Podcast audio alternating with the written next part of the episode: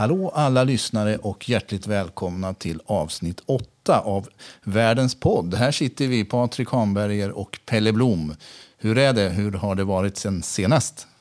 Jo då, det är på topp. Jag tror jag nämnde det förra gången att jag håller på inför en semesterresa så det har inte velat tänkt för mycket på det beroende på allting med pandemi och såna här saker då för att de inte skulle bli av. Men eh, nu börjar det närma sig så att mm. nu, nu kan man mentalt slå på switch-knappen och faktiskt ja. börja planera. Sen finns det fortfarande riskmoment kvar. Men, jo, så är det ju. Men, eh, men det, ser gott, det ser bra ut i alla fall. Ja, men det gör ju det. Så, mm. det, så det är kul som tusan då. Sen eh, en annan som mindre kul att jag håller på med min kropp hela tiden. Min gamla skadade fotbollskropp. Försöker få ah. ordning på den med ryggar och, mm. och allt vad det är och axlar och sådär. Så att... Eh, men det är en process. Så det blir väl bra att komma till värmen i Costa Rica då? Man kan ju hoppas på det. Man kan hoppas på det, att det, ska är det, det, det, måste vara, är det, är det sommar där?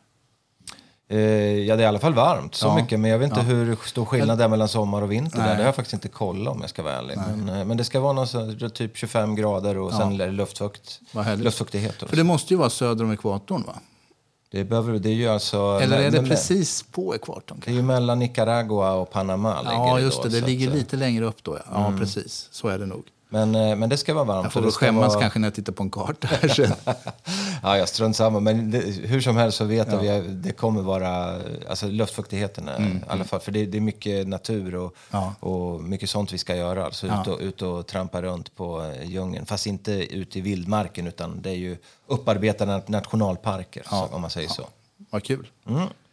Ja, här är det också bra. Det har ju hänt saker som påverkar min bransch. Vi har ju... Eh, eh, ja, det blir ju restriktioner som dras in här nu. Och det är klart att med lite blandade känslor är det ju förstås eftersom det har hänt så mycket i samband med det här. Men det är ändå för hotellbranschen så är det ju liksom en möjlighet att äntligen få komma tillbaka här efter två svåra år. Mm, det förstår man verkligen. Mm. Sen tittar jag här, det är otroligt vad mycket roliga grejer som kommer att hända för en privat nu. Jag har ju väldigt mycket konserter som har flyttats fram och jag satt och tittade här i Sweden Rock i sommar. Du kan inte ana vad mycket det är. Det är, liksom, och det, och det är ett, ett, bra år. Det är Guns N' Roses och Volbeat och In Flames och Megadeth och Accept och allt möjligt. Dropkick Murphys spelar bland annat. Det måste ju vara. Det är väl lite Var spelar de? Ja, på Sweden Rock också. Jaha, de är ja, där det är Sweden Rock alltihopa. Jaha, ja. okej. Okay. Ja, det ser man. Och sen ligger det mycket, vet du. Det är, Maiden på, på Ullevi och det är, det är Judas Priest och The, the Dead Daisies. Det, är, det är så mycket. Det är bara så, soft pop alltihop? Ja, ja bara ja. soft pop alltihop. Ja. ja, ja, ja, det ja. förstår jag att du har att göra. Men uh, mycket var på Swedish, Sweden Rock. Alltså, ja, men det, mycket av det där är ju... Det var, det var andra, andra konserter också. Mm. Så att jag har nog du får en, ihop det i alla fall? Jag har en fem, sex olika tror jag som ligger. Så det är kul. Grattis dig. Tack. Tack. Och på tal om musik, det måste vi berätta eh, för lyssnarna att vi har ju fått en, vi har skaffat licens nu så att mm. vi, eh, vi kan spela musik i podden. Det är kanske en och annan som har höjt på ögonbrynen för att vi har pratat så mycket musik utan att spela någon musik. Men det mm. har att göra med att vi vill ju vara lagliga mm. och inte liksom fulspela musik utan licens. Men mm. licens det har vi nu, så nu kommer vi kunna spela musik i fortsättningen. Och det kommer börja redan i dagens avsnitt. Härligt det också. Ja. Det, blir, ja, men det, det blir kul. Det är skönt ja. att kunna lufta upp det lite med mm. en bra låt. Ja.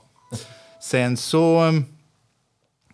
Eh, det måste jag ju få återkomma på också. Vi hade en liten kontrovers förra gången när vi pratade Queen. Kommer du ihåg det? Mm. Ja, du trodde ju att det var den här Will the Champion som var orsaken till att de är världens ett av världens mest spelade band. Så jag var ju tvungen att gå tillbaka och kolla det där. Va? visste jag att du skulle göra. så att, och det har jag gjort nu. Då, Så att, eh, om vi drar topp fem-låtar med Queen när det gäller antal spelningar på Spotify så har vi nummer ett, inte helt oväntat, Bohemian Rhapsody med 1,7 miljarder spelningar. Ja, det är nästan ingenting. Det är nästan ingenting. Sen har vi Don't Stop Me Now med 1,2 miljarder och lika många har Another One Bites the Dust. Mm. Sen Under Pressure, drygt en miljard miljard och på femte plats We Will Rock You med 821 mm. miljoner Så den är inte ens med? Så den är inte ens med på topp fem. Så jag har härmed kraschat din Härligt. teori. Ja, vad bra. Ja. aj, aj, aj. Då går vi in på dagens första ämne. Och det är faktiskt så att, eh, vi, det är så att nu har vi börjat få in önskemål från lyssnarna och det tycker vi verkligen är jätteroligt. Så att har vi fler lyssnare som vill ha önskemål om vad vi ska prata om så tar vi varmt emot det. Det är jätteroligt att få liksom, respons och det är roligt att få idéer på sånt som man kan prata om. Och vi har fått in från en kille som heter Mattias Pettersson. Och han har både ett önskemål till dig Pelle och ett till mig. Men vi drar mitt först. Mm. Och han skriver så här. Ehm, kan du Patrik berätta lite mer hur det var att komma tillbaka till Askersund efter 17 år i Spanien? Omställningen för dig och familjen, vad hade ändrats i samhället och om slash hur din syn på Sverige hade ändrats. Och Det berättar jag gärna lite om. Jag har väl varit inne lite grann på det tidigare men inte liksom gått i någon, något djupare i det.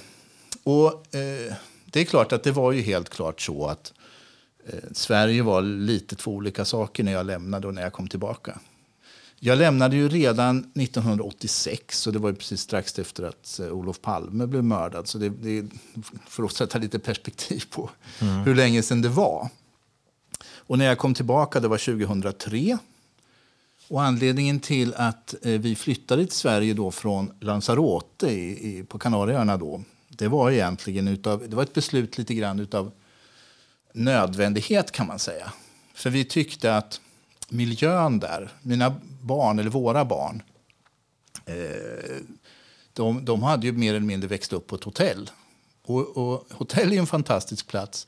Men att vistas på ett hotell 24-7 när man växer upp som barn, det blir ju kanske inte en helt naturlig miljö. Så mm. vi, vi, bestämde oss för att nej men vi, vi ska nog passa på att göra en förändring här. Och, och det gjorde vi då, då för att eh, barnen höll på att bli stora. De var 11 och 13, så vi tänkte att det är liksom nu eller aldrig. Så vi, vi valde mellan om vi skulle flytta någonstans inom Spanien eller om vi skulle flytta någon annanstans. Och till slut så föll liksom valet på Sverige. Och det, det, var ju inget lätt beslut det här. Barnen ville ju inte flytta. Nej, det förstår jag. Det förstår jag. Ryckas upp med rötterna och flytta till ett annat land. För de visste ju inget annat. Liksom. Nej, de visste ju inget Nej. annat. Eh, men då, då, vi, fick ju, vi tog ju det här beslutet åt dem egentligen för att vi tänkte att det, det, är nog det bästa för dem ändå. Och det var ju inte lätt för deras mamma Licia heller. Jag menar, hon hade ju också vuxit upp i Spanien. Va? Mm. Så det var ju rätt tufft att ställa upp på det. Och det var också rätt tufft i början. Eh, det börja skolan liksom i ett annat land. Det är ju inget, det är inte lätt för, för barn. Va? Och det var lite trassligt med kompisar och sådär i början. Och, och min son han utsattes dessutom för en del trakasserier med lite, ja, faktiskt tyvärr lite rasistiska eh, undertoner. Sådär. Okay. Uh. För att han, ja. Eh, och, ehm, Pratar de svenska? De, alltså, de pratade en del svenska. Uh. För jag hade ju alltid pratat svenska med dem. Mm, när de hade växt upp. Någon annan ja, gång. Ja. Så att, men det är klart att det är inte, man är inte man, man är inte flytande Nej. när man har liksom vuxit upp i ett annat land. Så Nej. det är klart att det var betydligt lättare tror jag än att inte kunna något alls. Men det var ändå en rätt lång väg att gå. Mm. Eh, och de där trakasserierna tyvärr, det tog ju ett tag innan vi fick reda på det. Det tog ju några år till och med faktiskt. Mm. Så att han, det var inte förrän han kom upp på högstadiet som vi fick reda på det där. Och, men då måste jag säga, alltså det, är ju liksom tråkigt, det är, väldigt, det är inte roligt att få veta det. Men då måste jag säga att skolan verkligen liksom grep in och, och, och tog tag i det där med full emfas. Så, så att de där busarna som hade varit dumma mot honom, de fick ju sina fiskar varma verkligen. Mm. Alltså. Ja, så, ja, så det var riktigt bra och skönt att se. Att man hade en bra plan för det där. Så att det, det upphörde ju sen som tur var. Mm. Och det blev ju bra med åren. Och när jag pratar med mina barn idag så är de inte ledsna för att de har flyttat till Sverige. Och det känns ju som pappa och lite initiativtagare till det här verkligen skönt att, mm. att det är på det sättet. Och för deras mamma Licia var det ju inte heller lätt att komma hit. Hon, hon hade problem med att sin, få sin utbildning validerad. Eh, och, eh, men hon, hon var tuff och hon omskolade sig när hon var här och, och fick jobb. Så att det har liksom löst sig sen. Mm. Eh, när det gäller Mattias andra fråga, som väl egentligen handlade om eh, hur jag kände för Sverige när jag kom tillbaka, om jag liksom hade ändrat uppfattning på något sätt, så är väl mitt svar på det att eh, framförallt ska jag säga att man, jag hade blivit mycket mer medveten om allt som är bra i Sverige när jag hade bott utomlands i många år. Och framförallt vilka fina förmåner man har. Och, och allra mest så, så såg jag ju det här med genom barnen. Alltså för att just bara för barn och familjer så är det ju väldigt mycket som är väldigt förmånligt i, i Sverige. Bara sådana enkla saker som, som sånt som har med skolan att göra. Skolmat, det tar vi för givet i Sverige. Det, är ju inte, det kan man inte ta för givet någon annanstans. I Spanien var det på det sättet att antingen fick du ta med dig mat till skolan eller fick man köpa den och då var det liksom enklare mat. Det var typ mackor och yoghurt och sånt man kunde köpa. Jag har för mig att det till och med var i Norge, när jag Ja. där, att det var mackor de käkade till. Ja. Det gjorde de även på jobben Ja. i och för sig. De hade inte de här stora luncherna. Nej, men så skolmaterial. Alltså, det får vi ju i Sverige. Det, det, det mesta av det i alla fall. Alltså, alla böcker inför varje, inför varje läsår fick man ju vara ute och jaga. Då fick man liksom en lista. De här 15-20 böckerna ska du köpa in.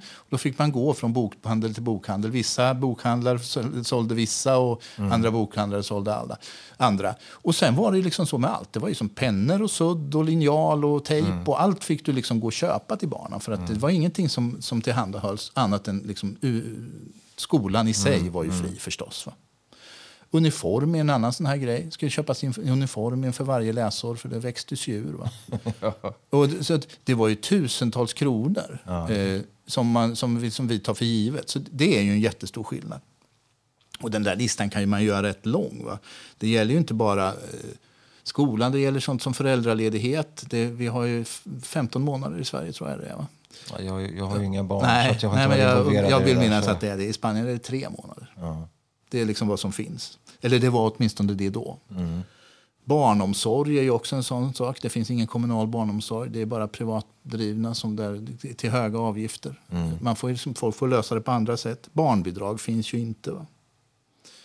Och något annat som jag också har kommit att uppskatta det är skolan i Sverige, även om den är så liksom utskälld som den är. Va? För, för liksom den, är, den var inte dålig i Spanien, men det var väldigt annorlunda. Och, och jag som svensk kanske föredrar den svenska formen. Till exempel är det så att barnen börjar skolan när de är fyra år i Spanien. Och de sitter i bänkar från att de är fyra år. När min son bytte från att ha gått i svenska skolan på Gran Canaria när han var liten plutt. Det var ju egentligen bara förskola då. När han var fem år så kom han ju till Lanzarote och fick börja i spansk skola. Då fick han ju sätta sig i bänk direkt när han Okej. var fem år. Så det är ju lite skillnad. Va? Tufft att sitta, sitta kvar. Det är tufft att sitta kvar. Eh, sen, alltså, skolan är ju inte perfekt här heller, det är ju ingenstans. Men och det var faktiskt lite så också att mina barn, eller våra barn, de hade lite svårt att hantera den här friheten som vi har i skolan här. Bara en sån sak som att skolan är öppna här. Att man bara kan gå rakt ut. Det är det ju inte i Spanien. Utan där är det ju, det är murar runt och så här. Va? Så att det, du checkar in på morgonen och du checkar ut på eftermiddagen när du slutar. Liksom. Det, så på det sättet är det också en ganska... Det går väl lite åt det här hållet här också nu. men Inte, går väl inte just med murar kanske, men, men att man inte får gå in på skolor hur Nej. som helst. Eh, Och det är klart att det finns en säkerhetsaspekt i det där också. Det förstår jag ju.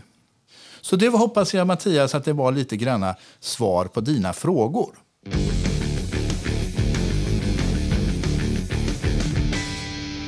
Ja, jag, eh, mitt första ämne idag är... Eh, jag är lite sådär, jag, eh, jag går lite på uppstuds emellanåt. Och jag, jag, nu, har jag suttit och jobbat mycket hemma på slutet. Och då lyssnar jag rätt mycket på musik och sitter med mina listor. Jag vet inte om man vågar nämna företagsnamn med tanke på all uppmärksamhet som eh, det ursprungligen svenska företaget Ja, ja, som ja, ja. börjar på S Det är nog ingen fara. Nej, då. Nej men Spotify-listor som jag har. Och, eh, där jag, har jag, brukar, jag har en lista som jag kallar för artister jag inte får glömma. Det är sådär, jag, när jag sitter där så kommer jag på dem, den här gillar jag, så lägger jag in den så att jag liksom ska kunna följa upp det ordentligt. Och, och sådär. Så det där, det där har jag gjort. Och eh, då visar det sig att jag, jag hittar en hel del coverlåtar som jag gillar.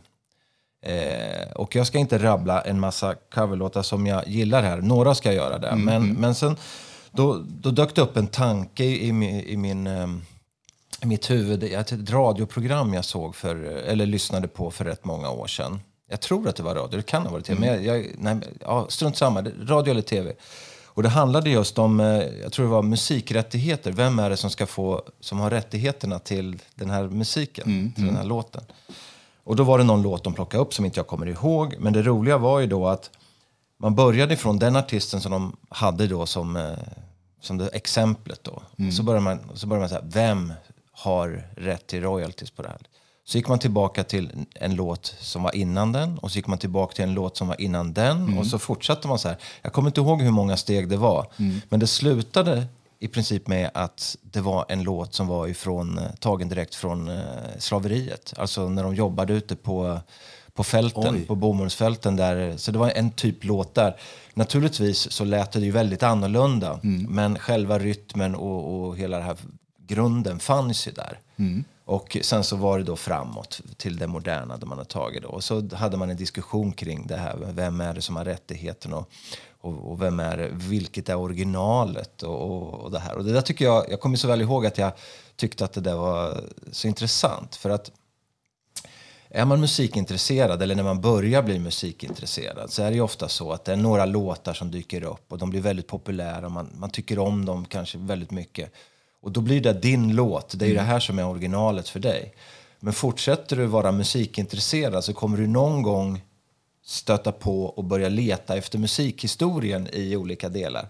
Och då plötsligt så kommer det alltid dyka upp låtar som Jaha, var det här en cover på den där? Och var det där en cover på det där? Och så, och så rullar det på så här. Och det där ser man hela tiden. Och jag kan ju veta, man, när man, vissa har ju den här perioden som jag också har haft, där man blir lite elitistisk. Men ni fattar ju ingenting. Det här är ju det som är originalet. Eller det, är det, här, så det är så här det ska vara. Det är originalet som är bäst. Eller hur? Liksom, så, så ska det vara. Så Det är ju en vanlig mening att inget kan vara bättre än, än liksom originalet. Nej, och det, och det där är lite roligt för att det fin, naturligtvis så ty, finns det ju låtar som jag tycker är, alltså där eh, covern kanske är bättre än originalet. Men det är själva liksom den här poängen hur man diskuterar. Så här. Och Jag, jag vet att jag var tvungen att sitta nu idag och leta fram en, låt som du har ju pratat om Bowie här. Och eh, jag började lyssna på Bowie ganska sent också. Jag köpte LP-skivor på Åhléns i Örebro. Precis innanför ingången så hade de backar där de, med ria. Och då köpte jag på mig en massa, men jag hade ingen riktig koll på honom. Men sen vet jag ju många år senare, liksom på 80-talet, där någonstans i början av 80-talet så dök det upp ett band som heter Bauhaus som, eh, som är typ gotrock. Det stod liksom gotrockens eh, fäder eller någonting sånt där. Och sen har ju de tydligen, de spelar fortfarande, de har gjort massa olika typer av musik. Men jag har inte- aldrig lyssnat på något. Men de gjorde en version på Ziggy Stardust som jag gick in och lyssnade på idag. Och jag tyckte den var skitbra idag. Och jag vet Den att jag tyckte jag att-. Och jag tyckte den var jättebra då också. Och eh, rösten försöker ju efterlikna väldigt mycket då. Mm. Men det där var ju min Ziggy Stardust under en period. Ah, du hade inte hört Bowies Jo, original? jo, men det hade jag gjort. Men, men det var ändå liksom det var ändå Ziggy Stardust någonstans med Bauhaus som jag tyckte den var lite ruffigare sådär med, eh, lite punkigare. Så det, jag tyckte det var, men jag, jag kan inte säga att det var bättre än Bauer för det, det vore ju liksom helgerån någonstans. Men, men, men den satte sig. Det är ja. det där som är poängen och det tycker jag är lite roligt. Och, och eh, sen vet jag också det här programmet eh, Så mycket bättre. Eh, så var det ju när hon, eh, vad heter hon, Marion Bryant heter hon va? Sven-Bertil Taube. Ja, men precis. Den här parting glass. Eller vad det nu hette på svenska. Sk- skål någonting sånt där. Och eh, jag då som, som alla förstår här nu med det här med irländska och sådär. Så blev det liksom, när hon fick upp mig, precis var hennes låt. Eller Sven-Bertils låt. Liksom sådär. Men, och då blev jag så här, men vad fasiken, det här, det, ju- det här är ju en cover. Ni måste ju förstå att det här är en cover, det är ju inte hennes låt.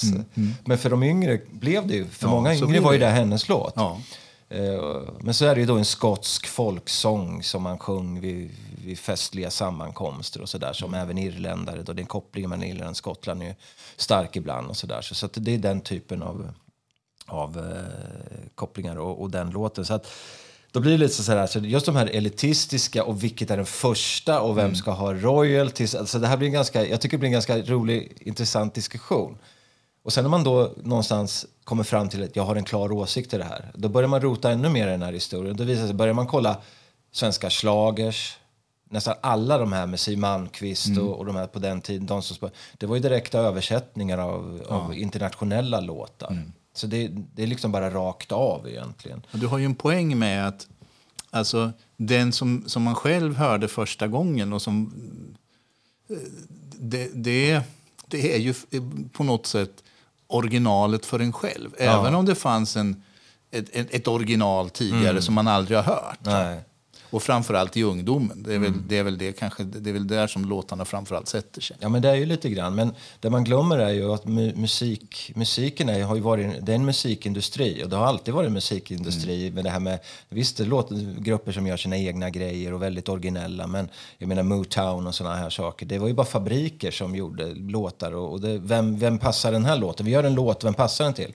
Ja, men den här eller den här. Och ibland så till exempel Elvis Suspicious Mind som blev en jättestor med honom. Men det var inte han som hade gjort den från början. Nej. Utan det, det lades ju på honom och så var det han som blev den stora. och så, där. så att, man kan, man kan grotta mycket som helst i mm, just mm. de här bitarna. Och, och, och, sen så var jag tvungen att googla lite bara jättesnabbt innan jag kom hit idag. För jag satt där och då, alltså just för att se då eh, cover, kända, mm. kända låtar som är covers. Och, och då blev jag lite överraskad själv för jag hade inte riktigt koll på några. Jag ska Mm. Ta, upp några. Liksom, så Magnus Uggla, Centrumhets. Mm. Det är en covers. Hade jag ingen aning om. På någon som heter Nick Gilder. Som, den heter Metro Jets. Där ser man, jag har inte en aning jag heller. Nej, och jag, den där skivan lyssnade jag på mycket som helst. Mm. Jag menar när den kom. Jag menar Magnus Uggla på den tiden var ju grym. Så det är ytterligare en grej. Sen eh, Cyndi Loopers Girls Just Wanna Have Fun. Mm. Det är ju någon som heter Robert Hazard och den från 1979 som har gjort den från början. Den lyssnade jag på idag. Den var rätt, den var rätt bra faktiskt. Mm. Det är originalversion då. Så att, inte lika glad och sådär liksom. Men, men ändå, ändå bra. Soft Cell, Tainted Love. Och den visste jag om i och för sig med Gloria Jones. Den, den hade jag faktiskt koll på att det var så. Whitney Houston, I will always love you är ju också en sån där eh, som, är, som jag visste om med Dolly Parton eh, som har gjort den också. Men en, en, till exempel The, The Beatles, Twist and Shout.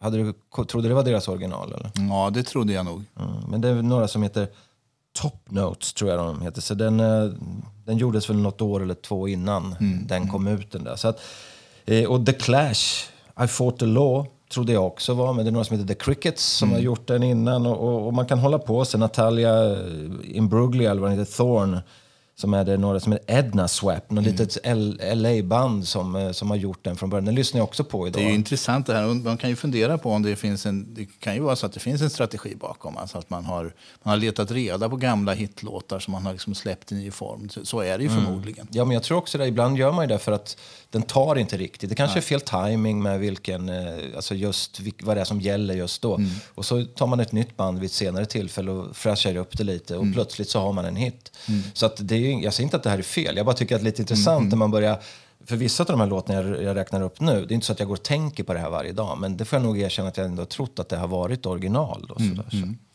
Så att eh, hela den här tycker jag är... Och det, jag skulle kunna grotta ännu mer i det för jag tycker det är jäkligt spännande. Men jag ska avsluta det hela med, med tre stycken Springsteen-covers som jag gillar. Ja. som jag faktiskt har, som, har, var på den här, som finns på den här listan mm, som jag mm, pratar som jag har mm. lyssnat mycket på på slutet. Det ena är Lucinda Williams som är Factory med Springsteen mm. från Darkness on the Edge of Town. Emmylou Harris, Tougher than the Rest från skivan Tunnel of Love. Mm.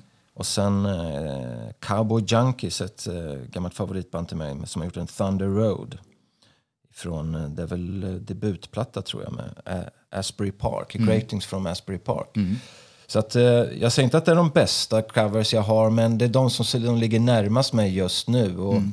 Och alla tre är ju, eller de två första kommer från country-svängen då som, mm, är lite, mm. som jag gillar. Och även Emmylou Harris har gjort det fantastiskt med Punchy and Lefty med Towns Van Sant också. Som också är en favorit. Då liksom. Så att, det finns väldigt många coverfavoriter och, och flera av de här låtarna som jag nu räknar upp, det är ju många artister som har gjort ja.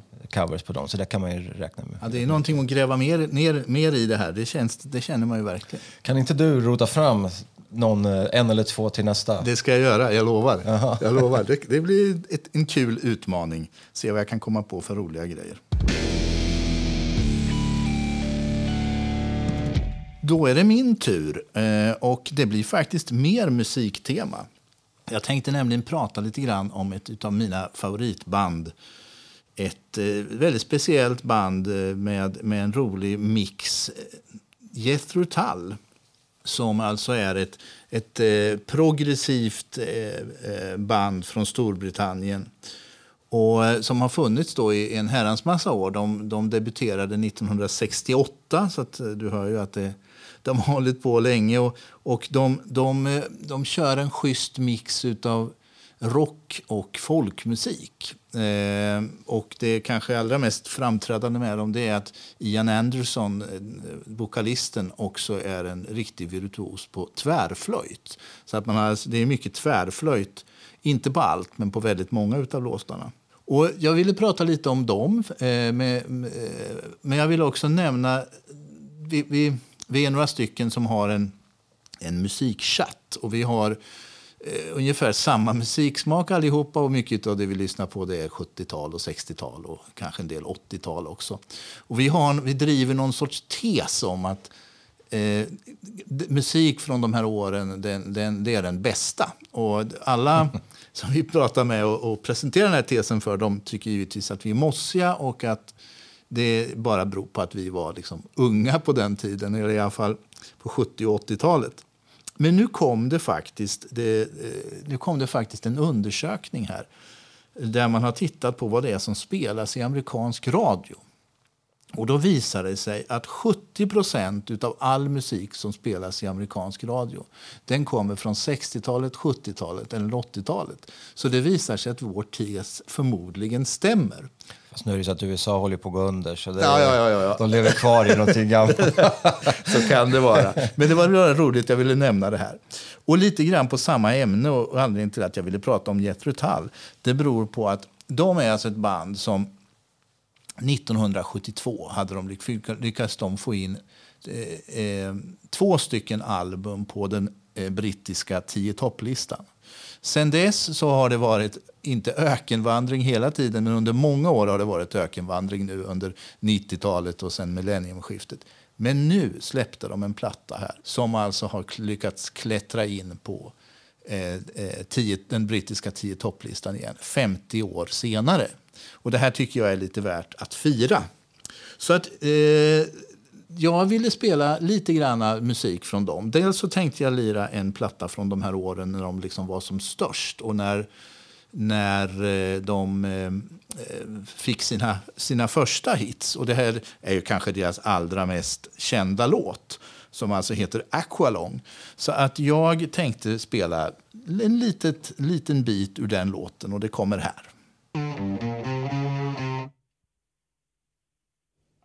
you.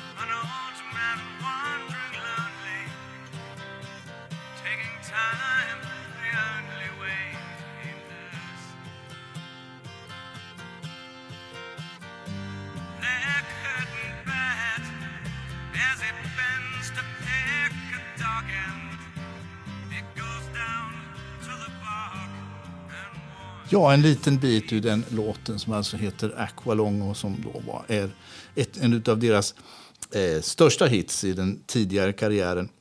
Det finns en rolig anekdot om dem som jag tänkte jag skulle nämna. Eh, 1984 så, så eh, hade de stora problem. Eh, Ayan hade under en turné i stort sett förlorat rösten sångaren, alltså flautisten. Så att de, blev, de, de försvann under några år där. Men så släpper de ett, ett, eh, ett comeback-album 1987 och då hade man ändrat stil lite grann. Det var rockigare. Det fanns liksom klara influenser av ZZ Top, eh, Dire Straits. Jag vill inte påstå att det var hårdrock, men det var lite, lite hårdare rock. Och i samband med att man, man, man släpper den där plattan så blir man alltså nominerad till eh, en Grammy. Och inte vilken kategori som helst, eh, eh utan i kategorin hårdrock metal. Bland annat i, bland annat i, eh, kategori, bland annat i konkurrens med Metallica som hade släppt platta samma Klockrent alltså? Klockrent. Och det, det här det skrattade man ju mer än bara åt. Så, så, de, så, så bandet Jethro Tull de åkte inte ens till prisutdelning för de var ju helt övertygade om att de inte skulle vinna det här. Och så till alla stora försvåning så vinner de i, i kategorin hårdrock metal. Så att eh, Ian Anderson och skivbolaget de tycker det här är så roligt så att de lägger ut en helsidesannons i Sunday Times i London.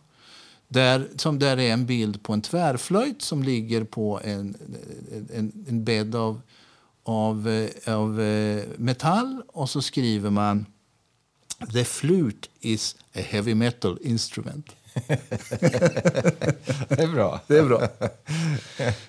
Jag tänkte att ni även skulle få höra lite granna från den här senaste plattan som man alltså släppte. Och eh, som då är den här som alltså nu har hamnat på tio topplistan igen. För det är så, det är på något sätt för oss gamla gubbar, och nu, jag, nu tänker jag i första hand på mig själv, eh, för oss eh, att, att liksom det här bandet och den här 74-åriga Ian Anderson, att man faktiskt får en 10 topp igen. Och jag, jag har lyssnat in på den här plattan nu och den är ju faktiskt väldigt bra. Så här kommer en bit av titellåten The Sealed Gene.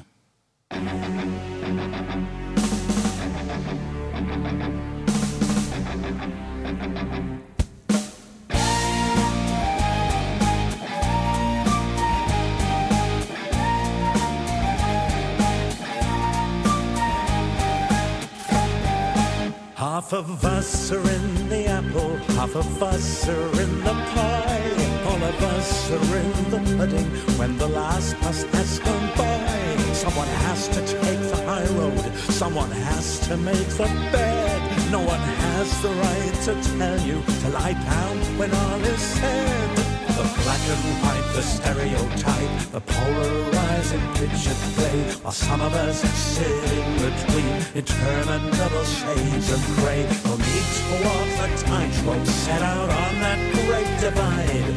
The balance scales may tremble, but the fellow weights are on our side. Carrying the zealot gene,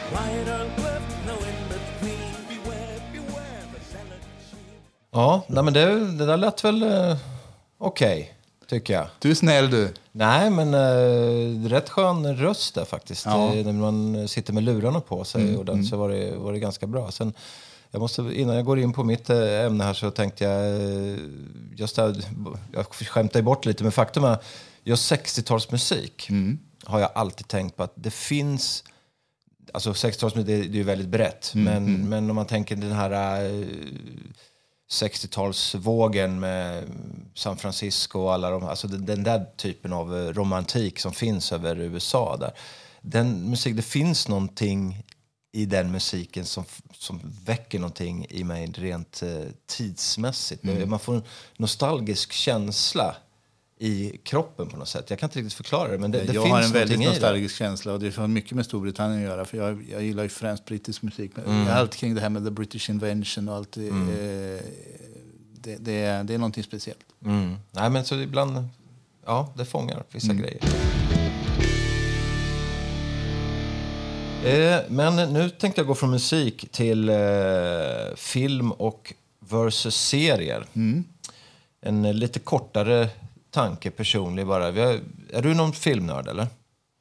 Håller ja, jag tycker det är kul, tycker kul att titta på serier, uh, förlåt, på film och, på serier. Mm. Men jag har ganska höga krav. Okay. Jag, jag, kan inte titta på något som inte är väldigt bra. Nej. jag kan inte slötitta på halvbra filmer och serier, det klarar jag inte. Nej, okay. Är det mest är det bättre film eller, eller serie? Mest? Ja, det är lite vilket som, bara det är hög kvalitet. Jag liksom Det, det får liksom inte vara... Jag, jag har en sorts tumregel om att filmer får inte ha under 7,5 i betyg och serier får inte ha under 8,5 i betyg. Okej. ja. Och sen går det samma som med din eh, musiksmak, så det är bara zombiefilmer och sådana här grejer. Nej, inte riktigt. Ja, ja, nej, men jag, alltså jag är ju...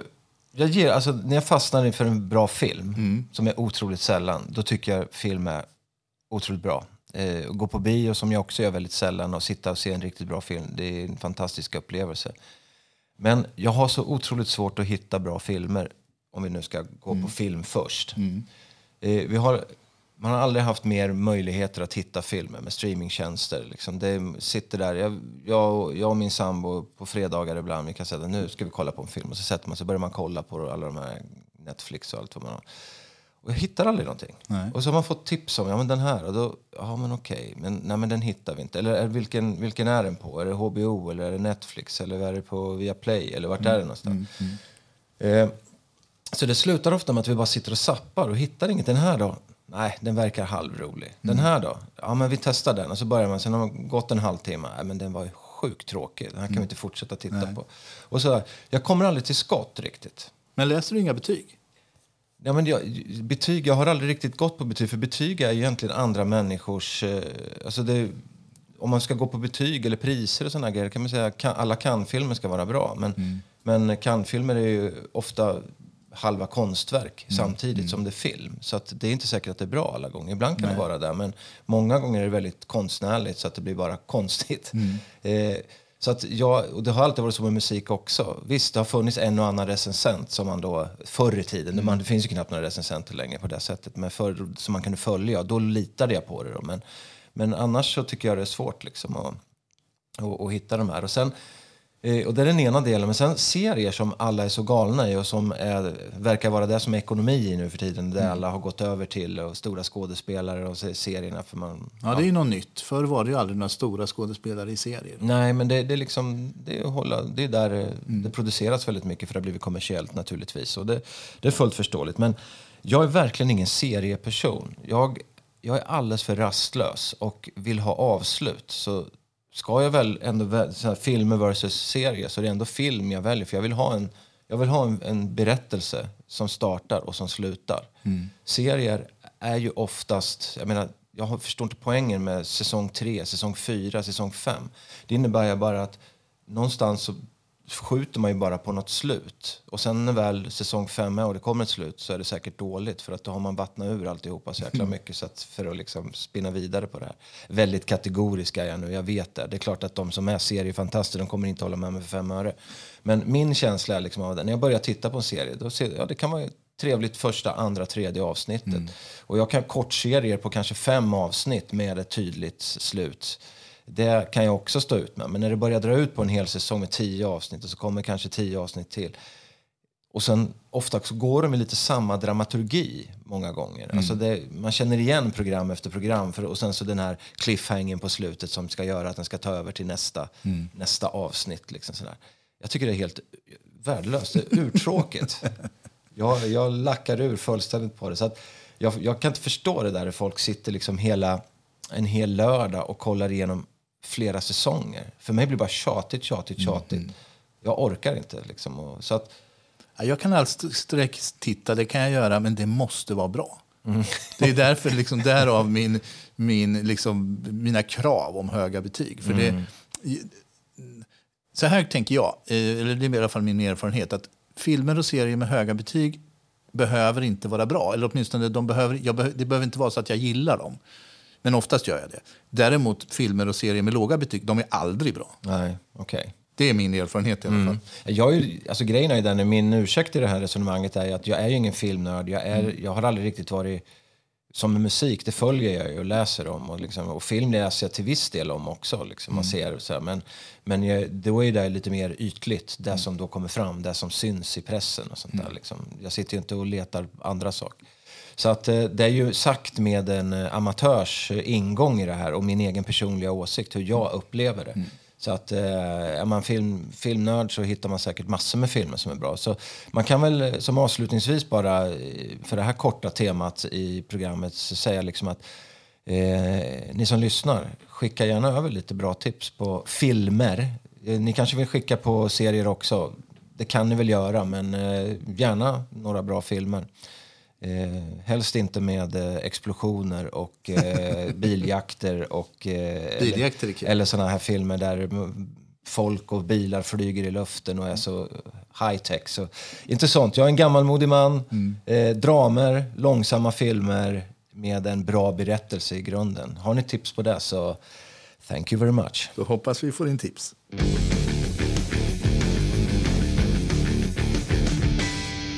Då har vi kommit fram till anekdoter och det är min tur att börja. Och den här gången ska det bli en reseledaranekdot fast för en gångs skull inte från Spanien utan från min korta sejour i Grekland. Jag reste till Grekland våren 87 till Lesbos eh, för fritidsresors räkning. Kom dit i april och eh, det första jag minns det är att eller jag märkte när jag kom dit det var att det var så fruktansvärt kallt. Och det var ju kanske ingenting som man hade väntat sig. Men i april kan det ju vara kallt i Grekland. Då. Du frågar mig som har varit på otagliga träningsläger, kanske inte just Ja. i Grekland men i Medelhavsområdet Ja. under den tiden. Ja. Så att när vi kom dit så var det väl sådär 8-10 grader och så hade vi ingen uppvärmning i det där huset som vi bodde i. Så det var ju 8-10 grader inomhus också. Så i början där minns jag att vi, vi satt och arbetade i köket med ugnen på fullt, eh, fullt på med liksom luckan öppen. Och så satt vi där liksom i, kurade vid ugnen och, och skrev på maskin för vi skulle förbereda alla anslag och sånt här inför den kommande säsongen. Den skulle ju dra igång då i början på maj och satt och skrev då på maskin med fingervantar för att vi skulle klara av det där. Det låter som en enkel uppgift. Det låter som en eh, speciell uppgift. Så hur det var så kom ju gästerna och min, det, min, det min anekdot egentligen handlar om det är att det var så speciellt därför att jag har aldrig upplevt att bli behandlad som en vipp eller en kung på samma sätt som vi gjorde på det här resmålet.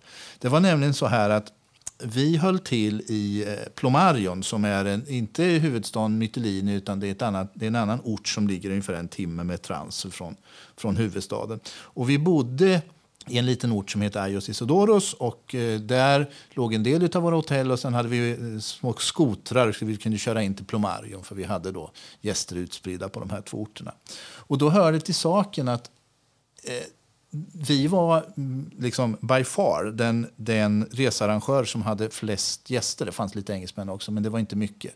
Och vi hade, det var inte så att det var ett stort resmål. Vi hade kanske 300 gäster ungefär som, som kom och bodde där eh, åt gången. Eh, men hela samhället där mer eller mindre levde ju på de här eh, turisterna sommartid. Sen så var det olivskörd på vintern.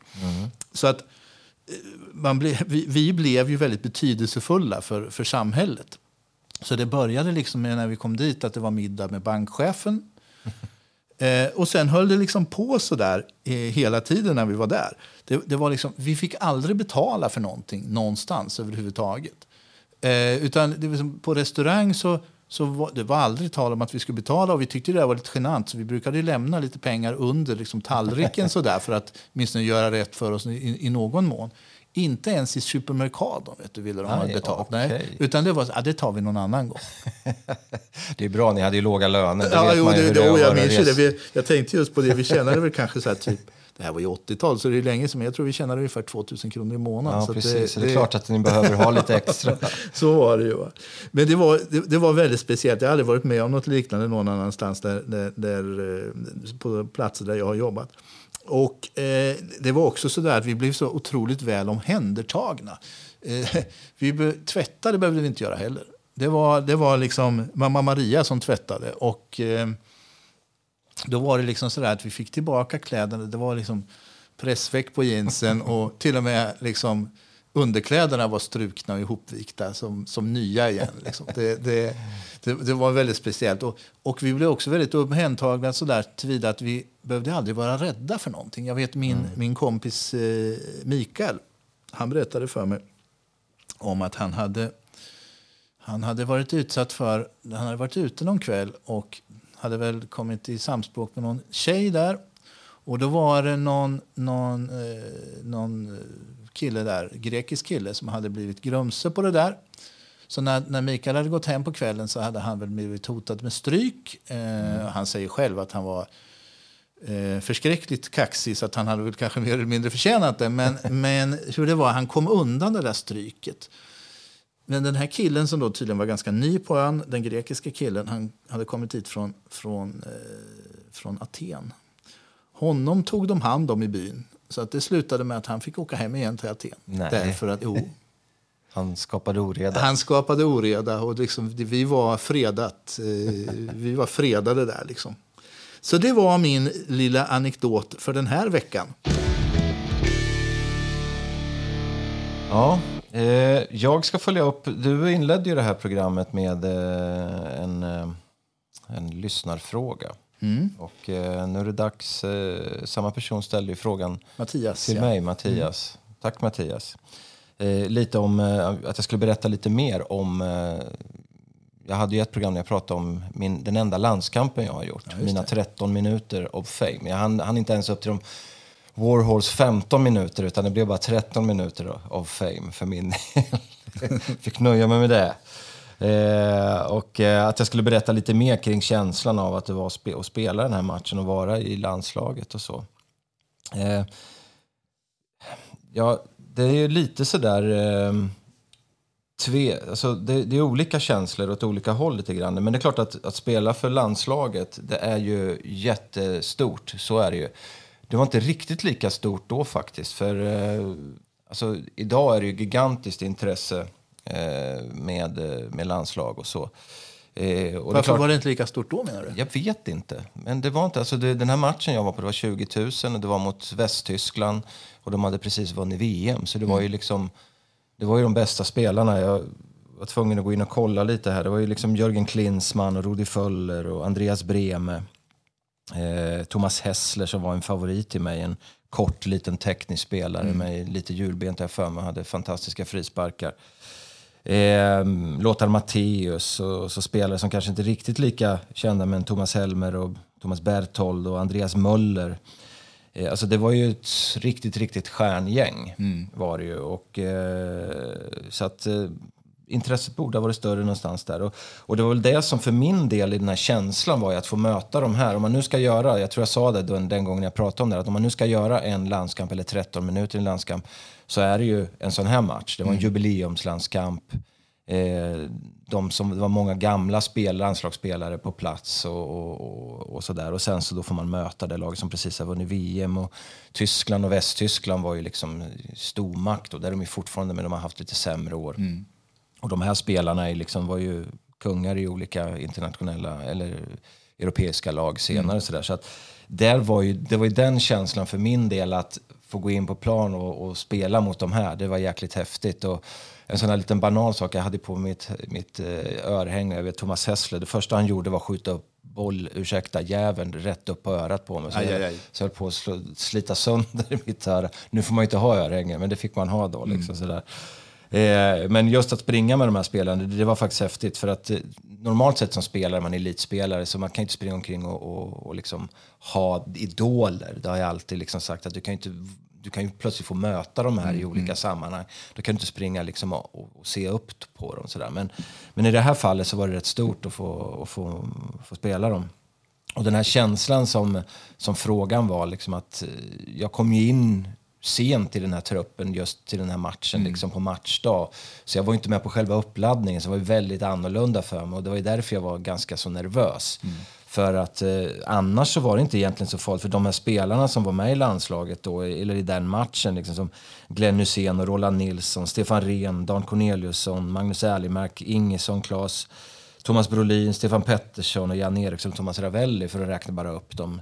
Det är ju spelare... Namnkunnigt gäng. Ja, men jag menar det är ju sådana som är svenska superstjärnor. Men under stora delar av min karriär så var det inte så många som var utlandsproffs. Utan många spelar ju allsvenskan. Så i princip alla de här har jag spelat mot och haft, haft en relation med. Jag kände lite grann, eller man var bekant med flera utav dem. Då. Så att det, var, det i sig var inte så stort för mig. Jag, jag är liksom en, rent generellt är jag en person som är jag är inte så lätt imponerad av stjärnor av olika de slag, vare sig de fotbolls eller idrott, eller musik eller filmstjärnor. Sådär. Det ska på, på en väldigt, väldigt hög nivå om jag liksom ska känna liksom någon typ av starstruck-känsla. Då.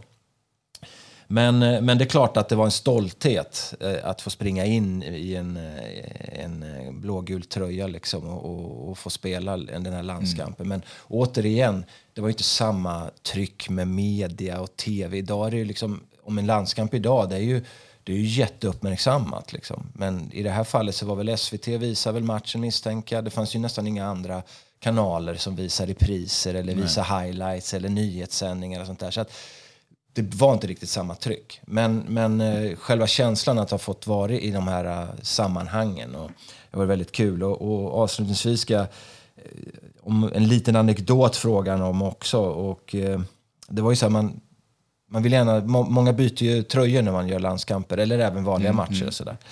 Eh, och eh, jag gjorde ju ett tappert försök i alla fall. jag hade ställt in mig på Jürgen Klinsmann, ville ja. jag ha tröjan då. Sen när matchen var slut så sprang jag fram till honom och liksom ropade på honom. Jörgen. Eh, och eh, flera gånger. Så precis när han vände sig om och var på väg och skulle gå mot mig liksom, och jag skulle ställa frågan, det är inte säkert att han hade velat bytt, men, men jag skulle i alla fall ställa frågan. Då tror jag det var Stefan Rehn som kom fram och hoppade på mig liksom så här runt och tog armen om axeln så, där, liksom, så att jag tappade fokus. Mm, mm. Och då vände ju Jürgen direkt och gick därifrån. Och det var så här, amen. Tänk om jag hade fått haft den tröjan. Ja, liksom. ja. Var det, hade varit du får skriva till honom nu. Ja, jag får göra det. Men sen var det så inne i omklädningsrummet sen så var det så att då kastar de det, det är inte riktigt likadant. Då kastar de ju tröjorna i en hög och så mm. in med dem i andra omklädningsrummet så får man få tröjor tillbaka. Mm.